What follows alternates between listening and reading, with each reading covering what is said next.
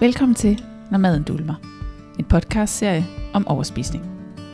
Den er for dig, som oplever, at du har svært ved at styre din mad, og hvor tanker om mad og vægt fylder meget. Mit navn er Mette Fuglsang Larsen. Velkommen til. Hej Mette. Hej Simone. Så er det tid til endnu et afsnit af Når maden dulmer. Ja, det er det. Og i dag der skal det handle om vægten og selvværdet. For der er rigtig mange af os, der sætter vores vægt lige vores værd. Altså fordi jeg ikke kan styre min vægt, så føler jeg mig ikke helt god nok. Tåret sidder måske ikke helt så godt, som man godt gad, og man føler, at man skal anstrenge, anstrenge sig ekstremt meget for at være en god udgave af sig selv, hvis man ikke har styr på vægten. Ja, lige præcis.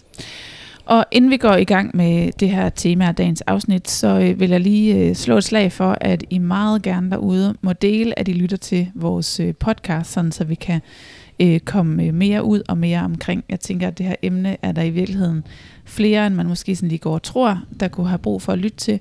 Og samtidig så hjælper I også, rigt, også, også rigtig meget med at øh, kunne blive ved med at lave podcasten, også med det interval, som vi gør på nuværende tidspunkt. Så det vil øh, vi sætte kæmpe stor pris på, hvis I har lyst til at dele, enten på sociale medier eller bare i jeres omgangskreds.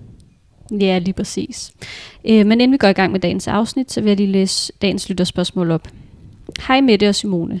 Jeg ved, at der er ting fra mit tidligere liv, barndom, der er med til at trick mine overspisninger. Men hvordan finder man der ind? Jeg voksede op i en kernefamilie, far, mor og udviklingshemmet lillebror. Vi boede på en gård, så far var hjemme, og mor arbejdede på plejehjem. Jeg har, tidlig, jeg har tidligere arbejdet med en psykolog i forhold til mit forhold til min mor, som var præget af, at jeg skal leve op til hendes forventninger. Så hvordan finder jeg ind til, hvad der stadig trigger mig? Ja. Gips. Men øh, allerførst, så er det jo dagens afsnit. Øhm, kan du ikke starte med at fortælle, sådan, hvordan dit forhold var til din vægt, da du, da du overspiste? Jo. Øh, altså dengang jeg overspiste, der, altså jeg synes jo, og det var jo også i, i virkeligheden også dengang jeg var anoretisk, det har det jo været altså hele tiden, kan man sige. Ikke? Øhm, men der, jeg har altid synes jeg var for tyk. Altså uanset hvordan jeg så ud, så synes jeg altid jeg var for tyk. Og jeg kan også huske en gang, sådan, hvor mine sådan hofteben der, de sådan stak virkelig meget frem, fordi jeg var, dengang var jeg meget tynd. Øhm, der, hvad hedder det, der synes jeg stadigvæk, at når men min mave, den bulede jo stadigvæk lige øh, altså sådan ud, sådan så man i hvert fald kunne se, at der var bare en lille bitte bule på min mave, og der synes jeg jo stadigvæk, at jeg var tyk. Ikke? Øh, så, så det var som, det kunne ikke blive, at, altså man kan jo se, man kan jo, det var aldrig nogensinde blevet godt nok. Altså jeg blev ved med at føle, at, at jeg var tyk, uanset hvordan jeg stod, øh, så ud. Og da jeg øh, hvad hedder det, tog på og blev større, øh, jeg lå sådan lige på grænsen til på et tidspunkt også at være overvægtig, ikke? og var måske også lige op og, og være over den der grænse til at være overvægtig øh, ifølge BMI. Så, øh, så synes jeg jo også bare, at jeg var tyk, og jeg følte, jeg lignede en flodko, og jeg følte, der var hager ud over det hele, og altså sådan, jeg, jeg, jeg kunne slet ikke have, at der var noget, der sådan sad stramt på min mave, og der var nogen, der skulle se min mave og sådan noget. Øh, så jeg følte mig jo bare sådan, øh, ja, altså, ja, bare, bare tyk hele tiden. Jeg kunne heller ikke være for eksempel i en stroptrøje, fordi jeg følte, at min, altså min arme, de bare blævrede og sådan noget, og nu kan I jo selvfølgelig ikke se det, men det kan du, Simone, jeg sidder i en stroptrøje i dag, altså sådan, så, så på den måde, så, altså, der var bare helst ikke nogen, der skulle se, se min krop, og i virkeligheden havde jeg det allerbedst om vinteren, hvor jeg kunne gemme mig væk i store trøjer og sådan noget, så man ikke kunne se, at, øh, altså, så man ikke kunne se min krop. Øh, det var helt klart, da jeg havde det bedst. Ja, jeg, øh, jeg kan helt sikkert kende rigtig meget af det. At jeg har faktisk også øh, haft en masse videoer og billeder fra den gang, jeg var aller, aller tyndest, hvor at jeg kan huske, at jeg følte mig så tyk. Der var altid et eller andet. Og når jeg kigger tilbage på de billeder nu, øh, så kan jeg, altså, jeg, jeg er i chok over, at jeg stadig, altså at jeg kunne tro, at jeg var tyk, og det var især også min arm og min mave og min skuldre. Nu er jeg sådan tidligere elitesvømmer, så jeg har lidt bredere skuldre end sådan de fleste, ikke fordi jeg har brede skuldre overhovedet, men, men det var virkelig sådan en ting, jeg skulle aldrig nogensinde have tøj på heller, og jeg skulle ikke vise noget som helst frem, og jeg følte mig, jeg følte mig rigtig, rigtig stor, selvom jeg godt kan se nu, at det var jeg ikke. Ja. Ja. Det, var, det, var, det er ret vildt faktisk at, at se, hvordan man, man slet ikke kan se det, man egentlig ser i spejlet. Ja, ja det er det faktisk. Ja. Helt vildt. Men øhm, hvad så med sådan, opførte du dig anderledes alt efter, hvordan din, din vækst så var? Altså når du større og mindre? Ja, øh, ja jeg tror, at, øh, at jo større jeg var, jo mere gemte jeg mig faktisk i virkeligheden nok også væk tror jeg.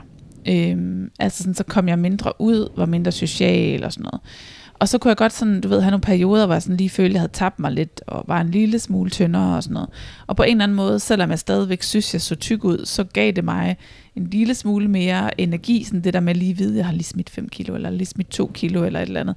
Og det var som om, jeg fik også lige prøvet lidt andet tøj inden fra skabet, så fik jeg alligevel lige prøvet den der stroptrøje på, og se om jeg kunne have den på i dag. Og hvis jeg lige havde en cardigan ud over, så kunne jeg måske godt lige komme afsted med i dag, at have den der stroptrøje på, inden under alt det der andet tøj, vel at mærke. Ikke? Øhm, så, så jo, jeg opførte mig faktisk også anderledes. Så hvis jeg så følte, at jeg for eksempel havde taget 2 kilo på, eller 5 kilo på, eller sådan noget, så altså, jeg kunne slet ikke overskue og skulle ud nogen steder. Øh, og, og også, altså, det ville, var lidt den samme følelse faktisk, som det der med dagen efter at have haft en overspisning. Sådan, jeg havde bare lyst til at blive derhjemme. Jeg kunne slet ikke overskue, at der var nogen mennesker, der skulle kigge på mig og se, at jeg havde taget på. Jeg følte jo, jeg følte jo vidderligt, at alle folk kunne se, at jeg havde taget på fra den ene dag til den anden. Ikke? Øh, så jeg ville meget hellere bare blive liggende under dynen og have ondt af mig selv og synes, at hele verden var noget, noget lort. Ikke? Øh, og, øh, og så, så på den måde, så, så var der faktisk en ret stor sammenligning med, hvordan jeg opførte mig, og øh, i forhold til, hvad jeg, hvad jeg varede. Men grundlæggende var det jo, altså, hvis man sådan kigger et stort perspektiv, så var der jo ikke meget forskel. Sådan. Altså, jeg havde jo stadigvæk mange af de samme tanker, når jeg var ude blandt andre mennesker, og når jeg så havde taget den der stroptrøje på, fordi de havde tabt mig to kilo, var det jo, altså så gik jeg jo stadigvæk hele dagen og tænkte på, øh, der er nogen, der kan se min mave. Ikke? Altså sådan, så, så på den måde var det jo grundlæggende meget det samme. Ja, jeg kan også synes, det var meget vigtigt for mig, inden jeg skulle noget, at en uge op til, der skulle jeg i hvert fald ikke have nogen overspisninger. Og jeg gjorde alt for ikke at have overspisninger. Jeg skulle spise rigtig lidt, fordi så vidste jeg, at jeg ville føle mig bedre tilpas til det her arrangement, der nu var. Og jeg kunne også godt finde på at aflyse, hvis nu jeg havde en overspisning dagen inden, fordi jeg følte mig bare så stor. Altså jeg, jeg havde nemlig også den følelse af, at man kunne se det på mig, og det kunne også være, hvis jeg bare spiste et stykke chokolade. Ja. Det, er jo, det er jo helt vildt.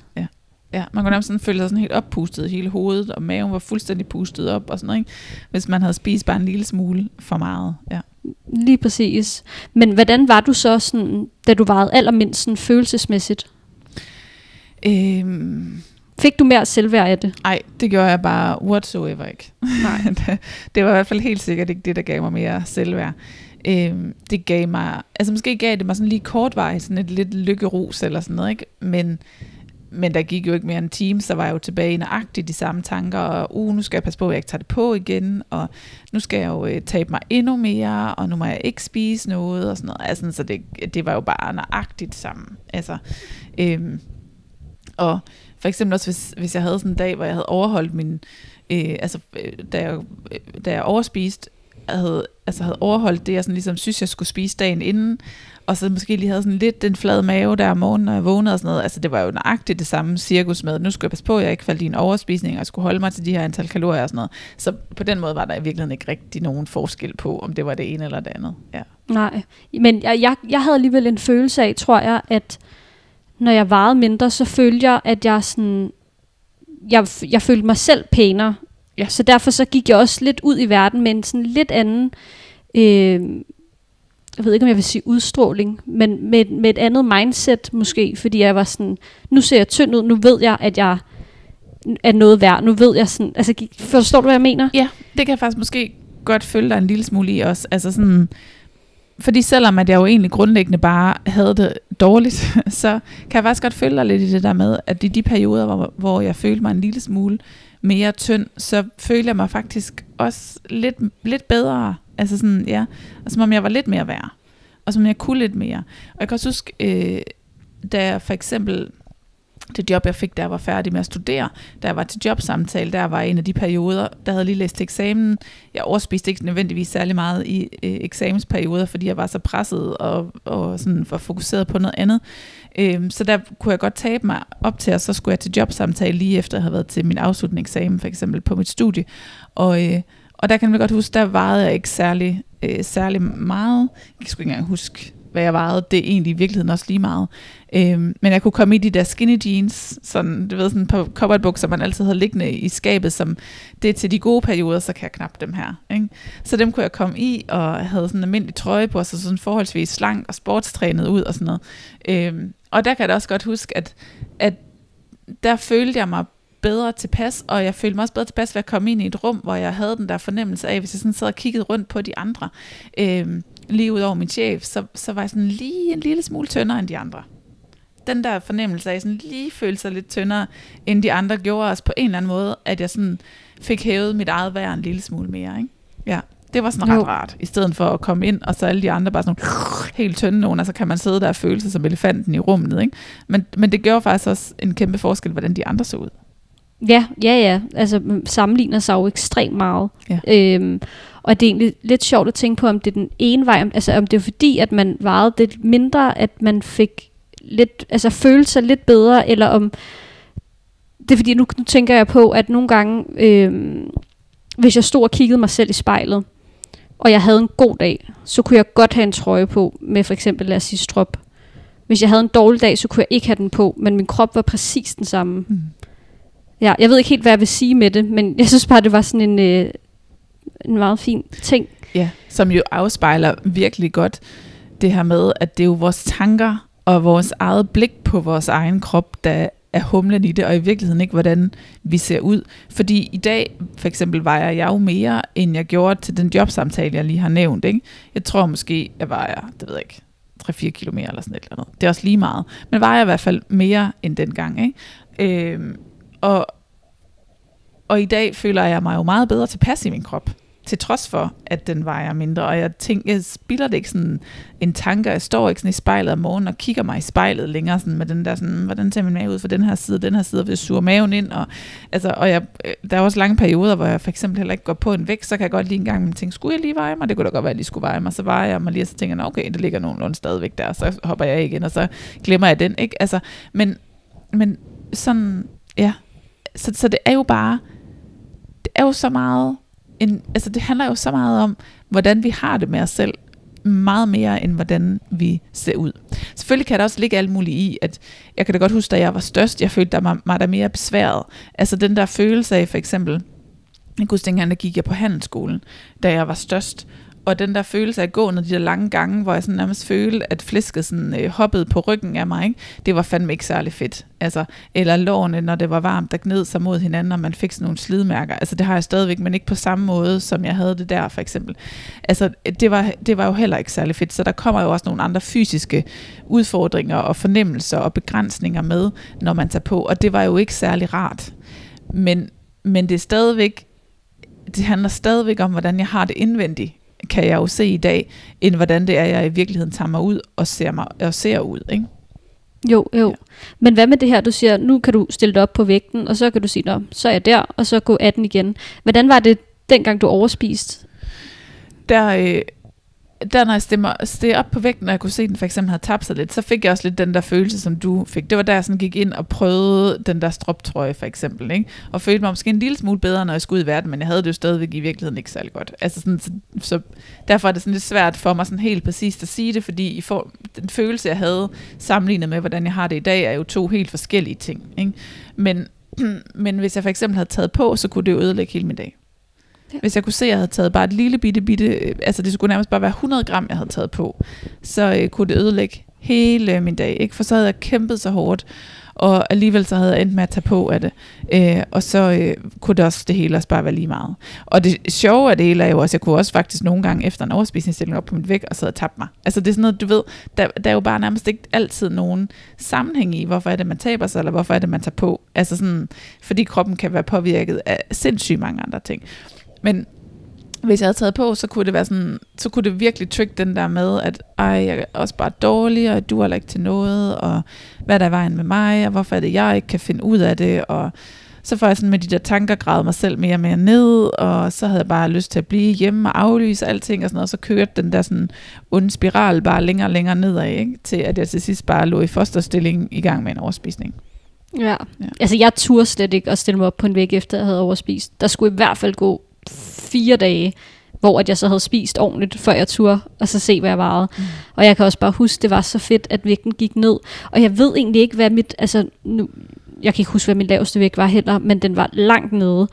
Og, øh, og jeg ved ikke, hvor mit altså, endemål var henne. Fordi at jeg blev bare så glad, hver gang den gik ned. Og jeg tror egentlig, at hvis den kunne gå helt ned til 0, så var jeg blevet gladere og gladere og gladere. Ja. Det, Det er også ret vildt. Ja, Men- men, det, kan, det kan jeg virkelig godt følge dig i også, fordi jeg var jo dernede på et tidspunkt, hvor jeg ikke havde min menstruation. Og det er jo ikke fordi sådan objektivt set, så jo, jeg var tynd, men jeg var ikke, jeg var ikke sådan, altså jeg, man kunne ikke se på mig, at jeg havde anoreksi for eksempel. Øh, men jeg havde jo stadigvæk bare lyst til at blive tyndere og tyndere og tyndere. Så, så jeg ved sgu heller ikke, hvor mit endemål i virkeligheden havde været. Altså, Mm-mm. Det er jo også vildt. Ja. Øhm, men hvorfor tror du så, der er så mange, som der så sætter sin vægt øh, lige med deres værd? Øhm, jamen, jeg tror det der med, altså, med øh, vægten og udseendet i det hele taget, har bare fået enormt meget altså, status i vores, øh, i vores samfund. Øhm, så det er, jo blevet, altså, det er jo blevet sådan en ting med, at man skal være tynd, og mange af dem, man sådan ser, øh, både på sociale medier og i tv og sådan noget, som har succes, de er tynde og ser flotte ud. Ikke? Så, så på en eller anden måde, så er det jo blevet det, der er blevet normen, at det, det er det, man skal. Ikke? Og som vi også snakkede om for nogle episoder siden, så er der jo også et eller andet med, at, at der er lavet noget forskning om, at folk, som ser godt ud, har det faktisk også på nogle punkter i hvert fald en lille smule lettere i deres liv i forhold til at blive valgt til i nogle ting. Ikke? Så der ligger jo også et eller andet sådan rent biologisk i det. Øhm, og for kvinder er der jo også, nu tolker jeg det, øh, altså det er sådan, jeg har forstået tingene i hvert fald, så nu må man lige tage det med et grænsalt. Men vi har jo brug for at blive valgt af en, af en partner.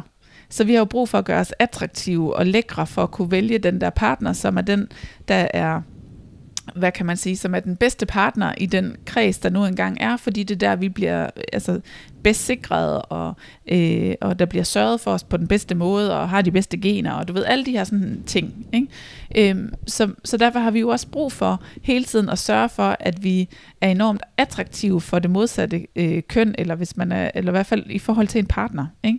Øh, så, så der ligger der også noget i, hvad er vores ydre udtryk egentlig. Det tror jeg også, der ligger øh, en, en stor del i for kvinder. Ikke?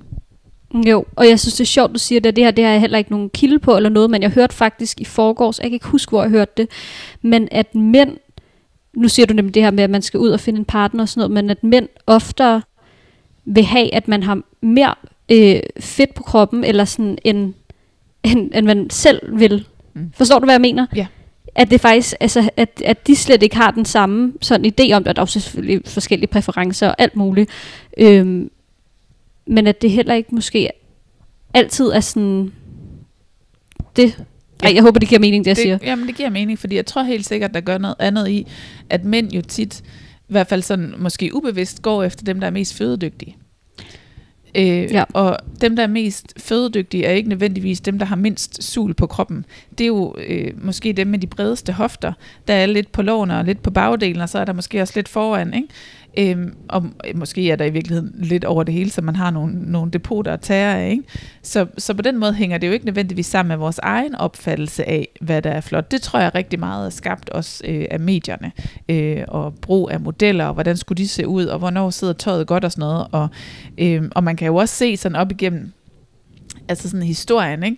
hvordan udviklingen i kvindeformen, altså idealiseringen af kvindeformen har ændret sig rigtig meget, uden at jeg sådan skal sidde og referere fra det, men der var jo på et tidspunkt, hvor det var, altså så skulle man jo have korset, og taljen skulle gå helt vildt meget ind, ikke? til at nu er det jo nærmest bare, skal man være et vaskebræt uden former, og nærmest ligne en mand, ikke? altså sådan, nu kommer der heldigvis en, en lidt ny bølge også, og der begynder at komme flere og flere øh, modeller i alle størrelser, som jo er mega fedt, øh, synes jeg, at der bliver plads og fokus på, at alle kroppe i virkeligheden er lige meget værd. Ikke? Men der kommer jo til at gå nogle, nogle år, før det bliver normen i hvert fald. Ja, og, det- og det er også det, der er jo altid en måde at føle sig forkert på, fordi så var normen, så skulle man være helt tynd, og så lige pludselig skulle man have en stor numse og en lille talje, og så dem, som der ikke kunne få fedt på kroppen, de følte sig også forkerte. Ja. og så, så der er hele tiden en måde at føle sig forkert på, på en eller anden måde. Ja, lige præcis. Jeg kan da også huske, dengang jeg gik i folkeskolen, for eksempel, du ved, at så var der også en, hun var helt vild, hun havde jo en perfekt krop, men så var hun helt vildt fokuseret på hendes næse, for eksempel, ikke? Altså sådan, og så er der jo andre, så er de fokuseret, helt vildt fokuseret på, at så har de nogle store ører, eller skæve tænder. Altså du ved, der er jo hele sådan et eller andet, hvis vi har brug for at have det dårligt over et eller andet, så finder vi bare et eller andet at få det dårligt over. Det er også derfor, at vi jo snakker om, appellerer meget til, at det handler om at få hævet sit selvværd, i stedet for at arbejde med, at så skal jeg have en ny næse, eller så skal jeg have nogle, øh, opereret mine ører ind, eller et eller andet, eller mindre, eller øh, jeg skal på kur, eller hvad det nu kan være. Fordi der kan hele tiden være et eller andet, hvis, hvis det er et symptom på, at du i virkeligheden øh, har, øh, altså er i ubalance indvendigt, øh, og har lavt selvværd. Ikke? Jo, og så, at, så tror jeg egentlig også, altså det her med, hvis man så taber sig, så synes jeg tit, så får man at vide, ej hvor er det flot, hvor ser du bare godt ud. Altså, mm. at der også bliver lagt en værdi i at, at tabe sig fra omverdenen af. Ja, ja. Det, og det er egentlig lidt sjovt, at det er det. Men det må jo være fordi, tænker jeg nu, når vi sidder og snakker om det. Ikke? Det kan godt være, at jeg kommer i tanke om noget andet senere, men, men på en eller anden måde må det jo være fordi, at dem, der siger det, og jeg har jo også selv sagt det, og jeg kunne også godt stadigvæk selv finde på i virkeligheden at sige det, tror jeg, men fordi det for os selv har en betydning. Så hvis vi føler, at hvis vi tabte, så vil det være rart for os, så, så kommer vi jo også til at tillægge det en positiv værdi for de andre. Hvis vi gerne vil komplementere og være søde og rare over for de andre, så siger vi jo noget rart og noget pænt, og så tænker vi, det vil jeg blive glad for at høre, det vil vedkommende nok også. Ikke? Altså vi er ikke sikre, at vi når at tænke det, men det er jo sådan lynhurtigt, ej hvor fedt. Ikke? Mm, ja. Lige præcis. Men hvad, hvad, kan man så sådan, hvad kan man så gøre for, at man ikke begynder at sætte sit vægt i sin, sit værd? Hvad gjorde du, eller hvad kan man gøre? Altså, øh, altså det handler helt sikkert om at få hævet ens, øh, ens selvværd. Øh, og det er jo det er jo det samme stykke arbejde, kan man sige, som at komme ud af sine overspisninger. Øh, og jeg har lige lyst til at sige, at selvværd og selvtillid er ikke nødvendigvis det samme. Det er jo selvfølgelig, det, man kan sige, at det er to ting. øh, og det er ikke sikkert, at man kan sådan... På den ene side hænger de sammen, på den anden side er det to forskellige ting. Selvtillid er tilliden til, øh, os selv i forhold til, hvad vi kan. Altså sådan præstationsmæssigt eller handlingsmæssigt eller sådan noget. Hvorimod selvværdet er tilliden til, at vi har værdi bare for den vi er, uanset hvad vi gør. Ja, jeg har faktisk et eksempel, fordi man kan sige, at selvtillid, det er jo at gå op og sige, jeg ved godt, jeg kan få 12 til den her eksamen, og selvværd er at sige, jeg ved godt, jeg, altså, at jeg er lige meget værd, om jeg får 12 eller 02 til den her eksamen. Det er præcis, det er faktisk et rigtig godt eksempel, ja. Så, så selvtilliden er til det, du kan præstere, hvorimod selvværdet er i forhold til den, den du er, uanset hvad du præsterer. Øhm, så og nu glemte jeg helt, hvad var det spørgsmålet var i forhold til det egentlig. Og det var bare, jeg havde lyst til at sige, ja, hvad det var, øh, at, at der var, øh, at man skulle skælne de her, øh, de her to ting ad. Og så handler det om at få hævet selvværdet. Og det kan selvfølgelig også gøre noget i forhold til, at man skal handle på nogle ting. Ikke? Men, men jeg plejer, hvis man har et dårligt selvværd, så plejer jeg at sige, at man er lidt sådan en vandmand. Altså man er sådan lidt flydende i sin façon, øh, og bliver meget påvirket af alt det, der er, så flyder man lidt den ene vej. Ej, så skal man have det her, så skal det være sådan, man ser ud, så skal det være den her måde, man siger tingene på, så skal det være sådan, man er afhængig af, hvad det er for en situation, man er i. Og det hænger jo også lidt sammen med det der pleaser-gen, at man sådan ligesom tilpasser sig hele tiden de situationer, man er i, og sørger for, at andre mennesker godt kan lide en.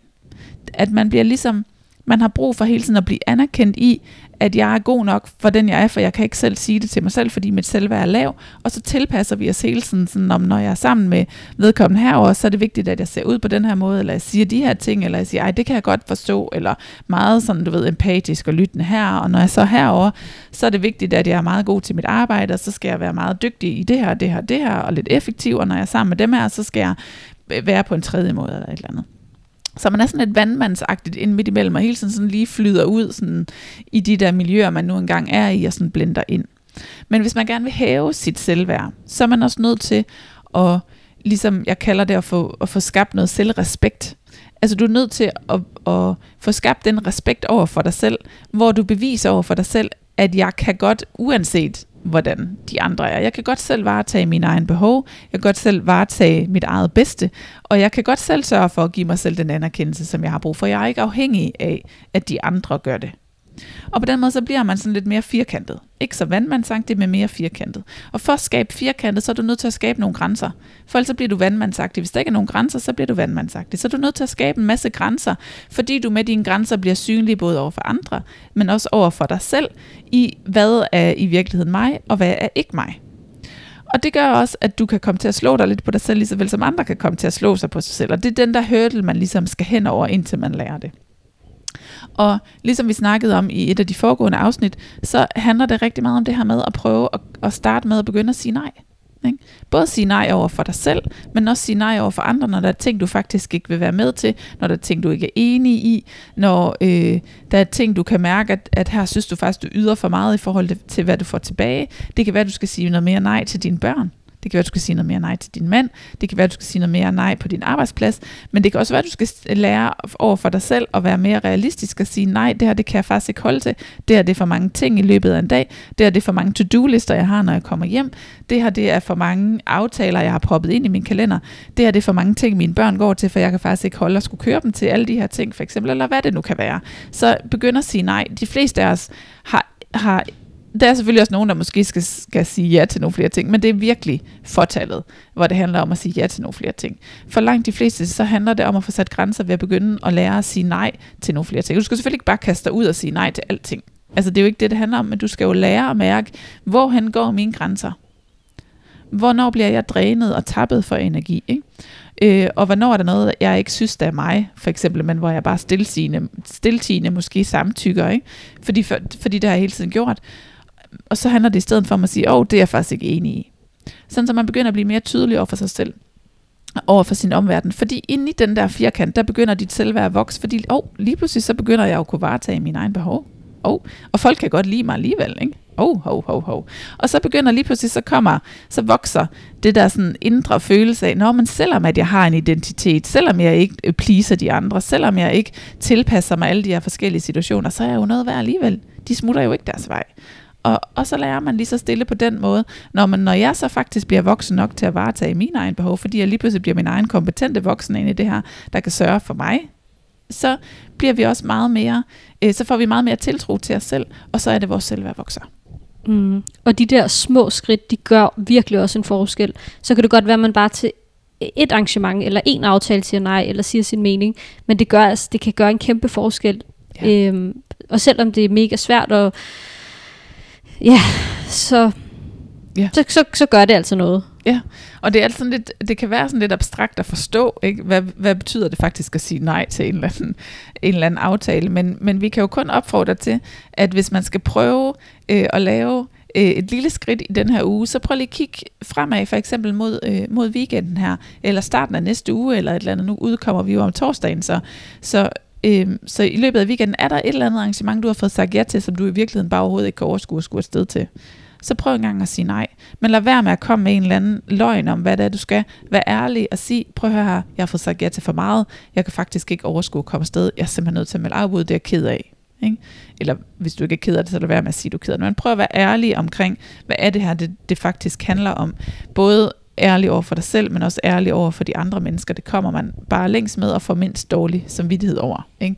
For ellers kan den dårlige samvittighed begynde at køre over, at man fik sagt et eller andet, hvorfor sagde jeg nu det og sådan noget. Så det, det er en helt anden snak. Men, men prøv en gang at kigge ind i, er der faktisk noget her, som, øh, som, som jeg har øh, brug for at sige nej til. Det, og hvis ikke du skal til nogle arrangementer, så prøv at se, har du faktisk sat for høje forventninger til, hvad du skal nå i din weekend, fordi måske skal din weekend blive brugt på at blive lavet op, i stedet for at du om lørdagen skal gøre rent, og om søndagen, så skal du lige ordne alle mulige andre praktiske ting, og I skal også lige nå på udflugt, og I skal også lige have øh, været ned og handlet hele familien, og I skal også lige et eller andet med børnene, og så er der en legeaftale, og lige pludselig så er der bare, altså er du hele tiden i gang med at være det, øh, i gang med det næste, og det næste, og det næste op i dit hoved, ikke? fordi allerede der har du i virkeligheden også for meget. Ikke? Ja, og så som vi snakkede om i sidste afsnit også, det her med, at det kan godt være, at man kan mærke, at der er nogle ting, som der er for meget den næste uges tid, og hvis de logiske tanker kommer ind over sådan, det, det er kun lige den her dag, og det kan jeg godt lide, altså så, øh, så igen kom ned i kroppen, og så lige mærke den der fornemmelse igen, er det faktisk for meget? Ja. Fordi hovedet kan altid komme undskyldninger for, at det kan man godt klare. Ja, lige præcis. Mega god pointe, Simone. Ikke? Altså de der, logiske, de der logiske tanker, de er bare ikke særlig brugbare altid. Altså, øhm, fordi, fordi, som du siger, de vil altid sige, ej, det kan jeg godt lige nå. Jeg kan godt lige nå lidt mere. Jeg kan godt lige, det kan jeg også godt lide. Og ej, det er jo bare lige et enkelt arrangement, det kan jeg da godt lige klare. Ikke? Det er bare sådan, nej, det kan du faktisk ikke. For mm. du betaler prisen med en overspisning bagefter. Lige præcis. Så hvad med, hvad med så den dag i dag? Hvordan, øh, hvor kommer dit selvværd fra? Altså, hvordan er det i forhold til din vægt, og hvor kommer dit selvværd så fra nu? Ja, altså, øh, jeg, jeg tænker ikke så meget over mit selvværd mere egentlig, og jeg er ikke så bange for at sætte grænser og sådan noget. Jeg tror, det er fordi, at, altså, at, at mit selvværd er vokset, fordi jeg både har lært at selvfølgelig give mig selv omsorg og håndtere mine følelser og sådan noget, men også fordi, at jeg hele tiden forsøger at regulere, øh, hvad det er, sådan jeg fylder mit liv og min hverdag med, i en balance, der passer til mig. For jeg kan godt mærke, at så snart jeg klør for meget på og presser mig selv for meget, så lige sidst så stille, så sniger der så sådan nogle tanker ind med, øh, altså sådan en følelse, sådan nogle tanker af, at øh, ej, nu øh, det er også lidt træls det her, eller jeg kan sådan begynde at blive sådan lidt småt trist, sådan grundlæggende trist, og, åh, jeg synes også, det er lidt hårdt, eller ej, så bliver min kæreste også bare irriterende, og jeg kan begynde at se alle mulige fejl ved ham, og altså alt sådan noget, så begynder der at komme alle mulige sådan små sprækker i, at der begynder at komme tankemøller om et eller andet, og jeg begynder at blive sådan lidt øh, i mine følelser. Så det er så snart, jeg har presset mig selv for meget. Øh, og så ved jeg bare, så skal jeg stoppe op i det der igen, øh, og lige få sagt fra til et eller andet, eller øh, lige få taget mig af, hvad der nu engang er, der fylder, og så vender jeg egentlig tilbage, og så kommer det rigtig meget af sig selv, fordi jeg hele tiden kan lære at navigere, eller fordi jeg hele tiden navigerer i, hvad der ligesom er, er bedst øh, for mig. Og i forhold til min, øh, til min vægt, så bruger jeg ikke så meget tid på at tænke over den. Altså sådan, jeg kan da godt mærke en gang imellem, så kan jeg da også godt lige blive ramt af, sådan at tænke, ej, det kunne da også lige være fedt, hvis jeg lige øh, vejede en lille smule mindre, eller sådan et eller andet, fordi så kunne jeg lige, øh, så kunne jeg lige passe de her par bukser, eller så kunne jeg lige gå i den her kjole, eller så kunne jeg lige et eller andet, ikke? Men ret hurtigt, så bliver jeg enig med mig selv om, du ved sådan, jeg gider ikke rigtig gøre den der indsats, der skal til. Jeg har det sgu egentlig alt for godt, som jeg har det. Ikke? Og så glemmer jeg det faktisk igen. Ja, ja. det lyder dejligt.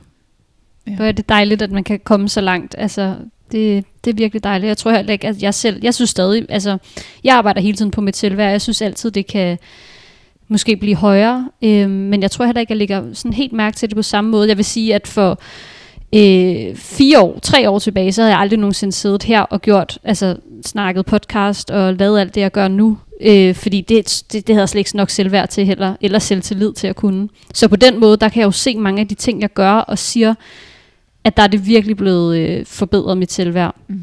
Ja. ja. Og som du siger, jeg tror også, at man kan jo blive ved med at arbejde med sig selv hele tiden og udvikle sig selv. Ikke? Øhm, og, og det kommer jeg da også til, og, og efterhånden tror jeg også, som, som ham den lille, han bliver ældre, så vil han jo også komme til at udfordre mig på nogle ting, som jeg måske aldrig nogensinde havde tænkt over, at jeg kunne blive ramt i af en eller anden art. Og så er jeg jo nødt til at kigge ind, og jeg får arbejdet med det. Så, så på den måde tror jeg også, at der kommer noget gennem hele livet, som en sund og naturlig ting. Ikke? Men jeg synes, indikatoren er, at der hvor farsignalet begynder at komme, det er, hvis jeg begynder på en eller anden måde at føle mig trist, hvis jeg synes, alle andre er nogle idioter, eller øh, hvis øh, jeg begynder at øh, hvad kan man sige, få nogle tank, noget tankemøller af en eller anden art, så er det fordi, at jeg ikke har taget, øh, fået skabt godt nok balance i mit liv, og så skal jeg lige give jer lidt ned. Ikke? Jo.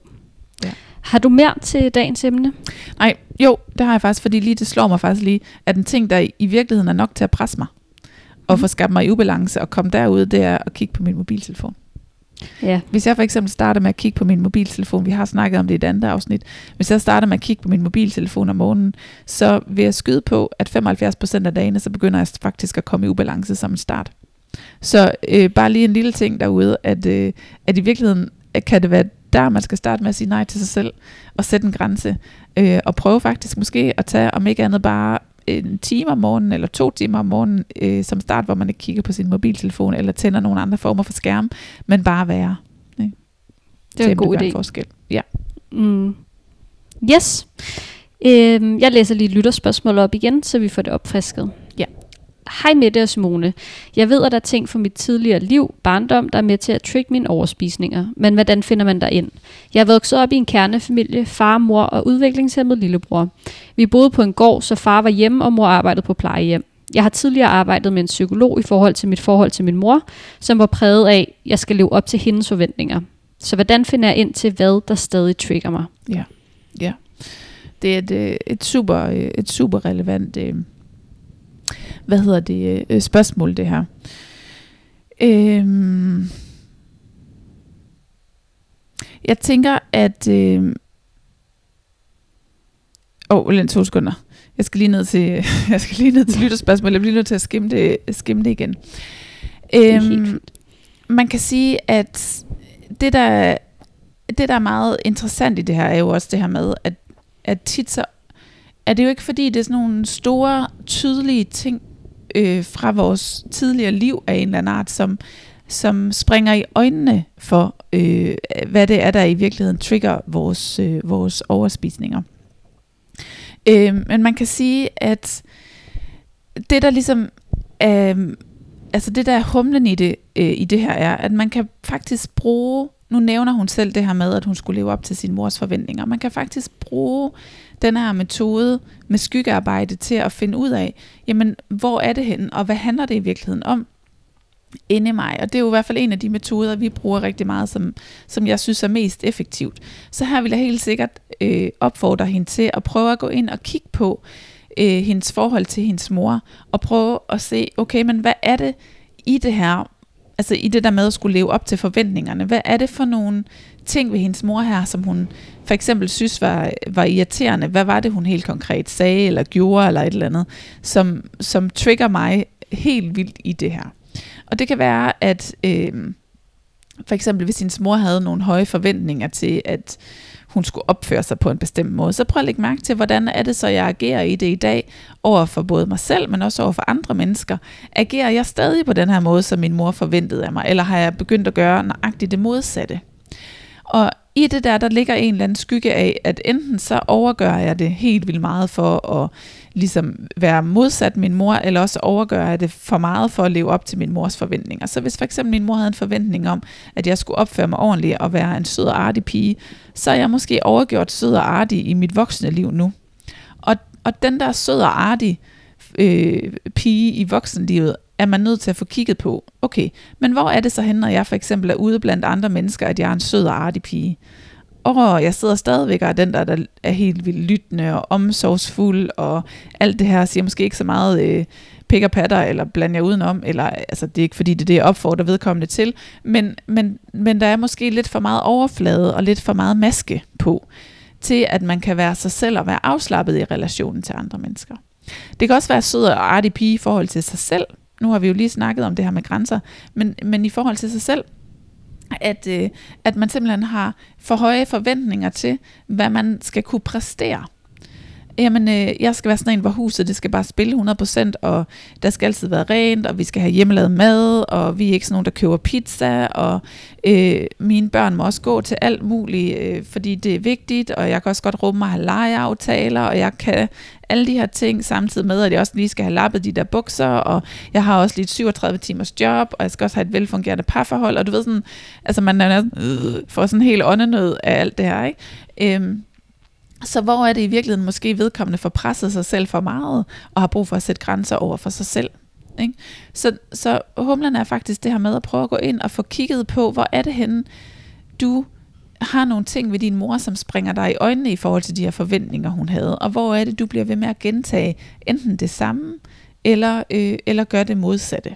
Det kan også være, at vedkommende er blevet modsat så vedkommende bliver en helt doven og apatisk og slet ikke gider noget som helst, så er det jo et mønster. Så er man jo nødt til at arbejde på, okay, men så er jeg nødt til at prøve at gøre, hvorhen i mit liv er det, jeg gør det her, hvor jeg bliver doven og apatisk, og så hoppe ind i og prøve at gøre det modsatte. Så er jeg nødt til at prøve at gøre noget, ikke? og gå lidt mere i den der retning af, når man sådan her øh, var, vi min mor gerne have, jeg var. Jeg skulle nok lidt nødt til at prøve at arbejde med at blive en mellemversion af apatisk, eller, øh, eller sådan meget præsterende.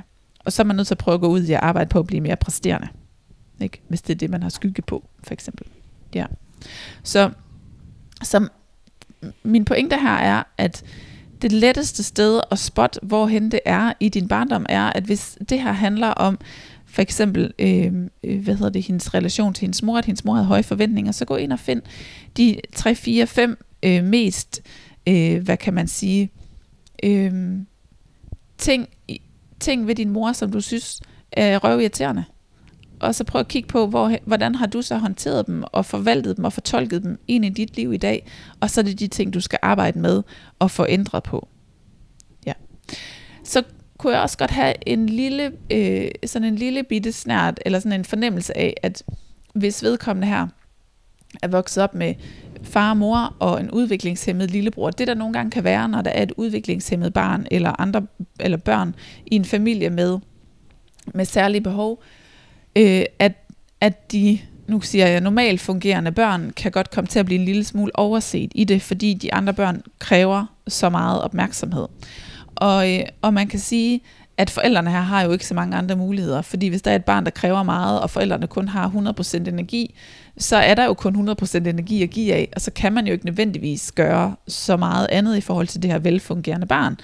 Øh, selvfølgelig er der altid muligheder, man kan altid gøre noget, ikke? man kan altid prioritere anderledes, men jeg tror på, at alle forældre, uanset hvad der er, der sket, har gjort deres, øh, deres ypperste og deres bedste for at, at rumme øh, begge børn.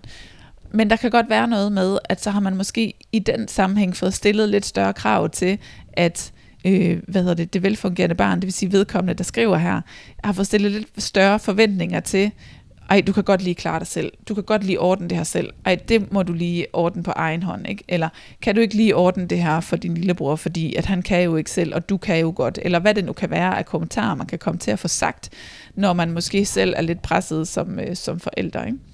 Øh, så, så tit kan det være sådan, fordi at der er så meget fokus på det barn, der har særlige behov, så må den anden ligesom tilpasse sig, fordi vedkommende kan godt mærke, at der ikke nødvendigvis lige er mere plads til, øh, eller så meget plads til, til, øh, til vedkommendes øh, øh, behov og følelser og udbrud og alt muligt andet. Ikke? Så der kunne helt sikkert ligge noget der med, at man har fået trukket sig og tilpasset sig, og det mønster vil jeg også gå ind og kigge på. Hvor er det så, du har trukket dig og tilpasset dig i din familie og dit familiemønster dengang? Ikke?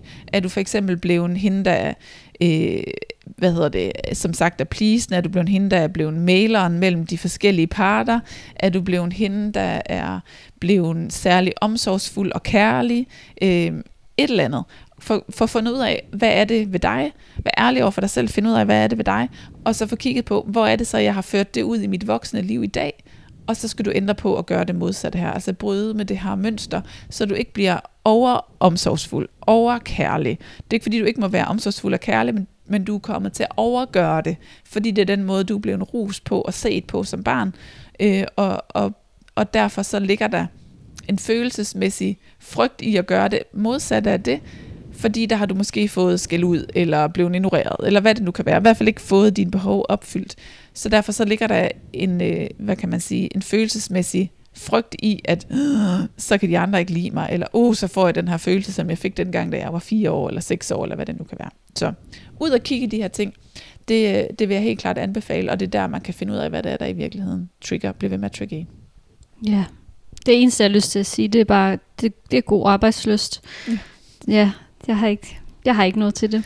Der ligger i hvert fald et kæmpe stykke arbejde i det her. Det er ikke nødvendigvis mm. noget, man bare lige gør. Og det er jo noget af det, vi arbejder rigtig meget med, og så hjælpe folk med at finde lige præcis ind til kernen af, hvor, hvor det her det er.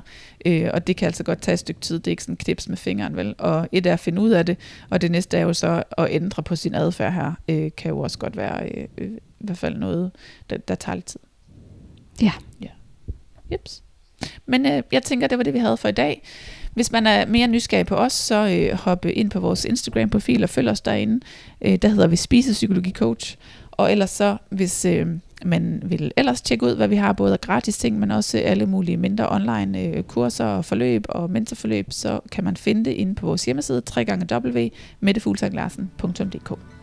Jeps, tak for i dag. Tak for i dag.